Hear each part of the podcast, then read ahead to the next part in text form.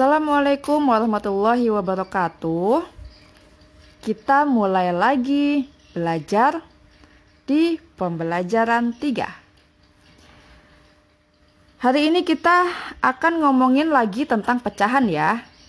Kamu bisa lihat di buku dan kamu bisa baca lagi buku kamu. Baca sebelum mendengarkan apa yang saya jelaskan. Kamu lihat di situ ada banyak potongan-potongan kue.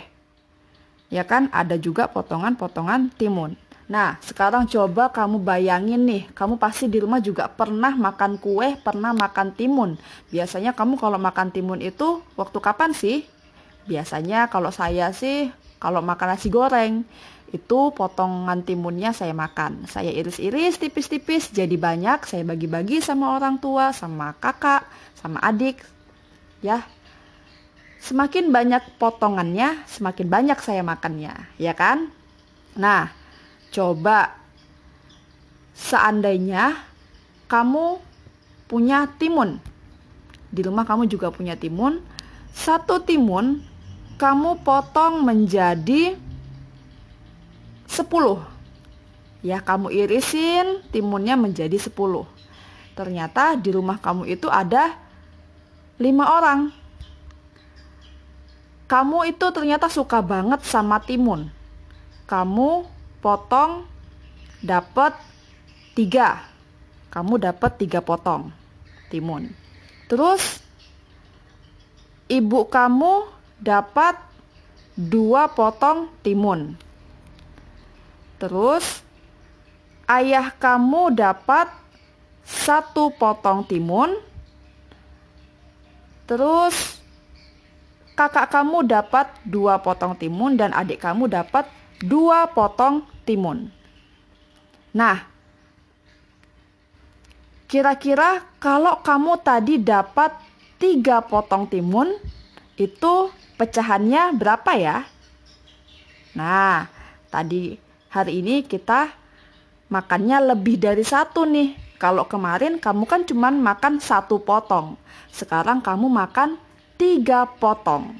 Ya kan? Kamu makan tiga potong timun. Kamu lihat aja timun yang kamu makan. Kamu nggak usah mikirin dulu timun-timun yang dimakan sama keluargamu. Tapi yang saya tanyakan timun yang kamu makan. Tadi kamu makan tiga potong timun. Ada berapa sih timun semuanya yang dipotong-potong? Ada 10 potong, ya kan?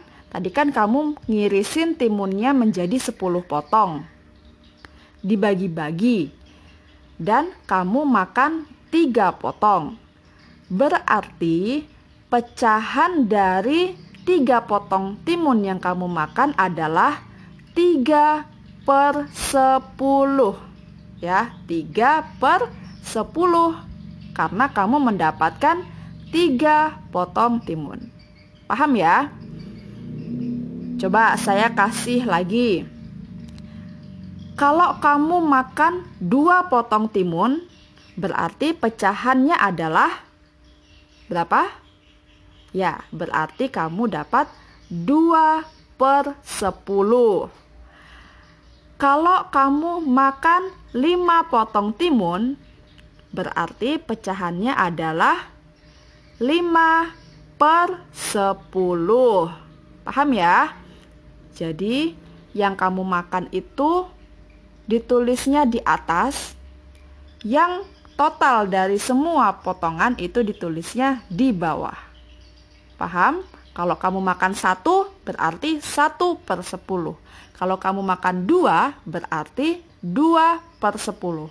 Kalau kamu makan 3 berarti 3 per 10. Paham ya sampai sini? Nah, ternyata pecahan itu juga ada sebutannya loh. Pecahan itu kan ditulis misalnya 2 per 10 tulisannya adalah 2 garis 10, ya kan? Dibaca 2 per 10. 2 yang di atas itu namanya pembilang, sedangkan 10 yang di bawah itu namanya penyebut. Paham ya? Jadi, dalam pecahan yang di atas namanya pembilang, yang di bawah namanya penyebut. 2 per 10. 2 adalah pembilang, 10 adalah penyebut. Paham ya sampai di sini? Untuk melatih pemahamanmu, kamu bisa mengerjakan soal yang ada di buku dan ada di LKS atau kamu bisa minta orang tuamu untuk membuatkan soal pecahan.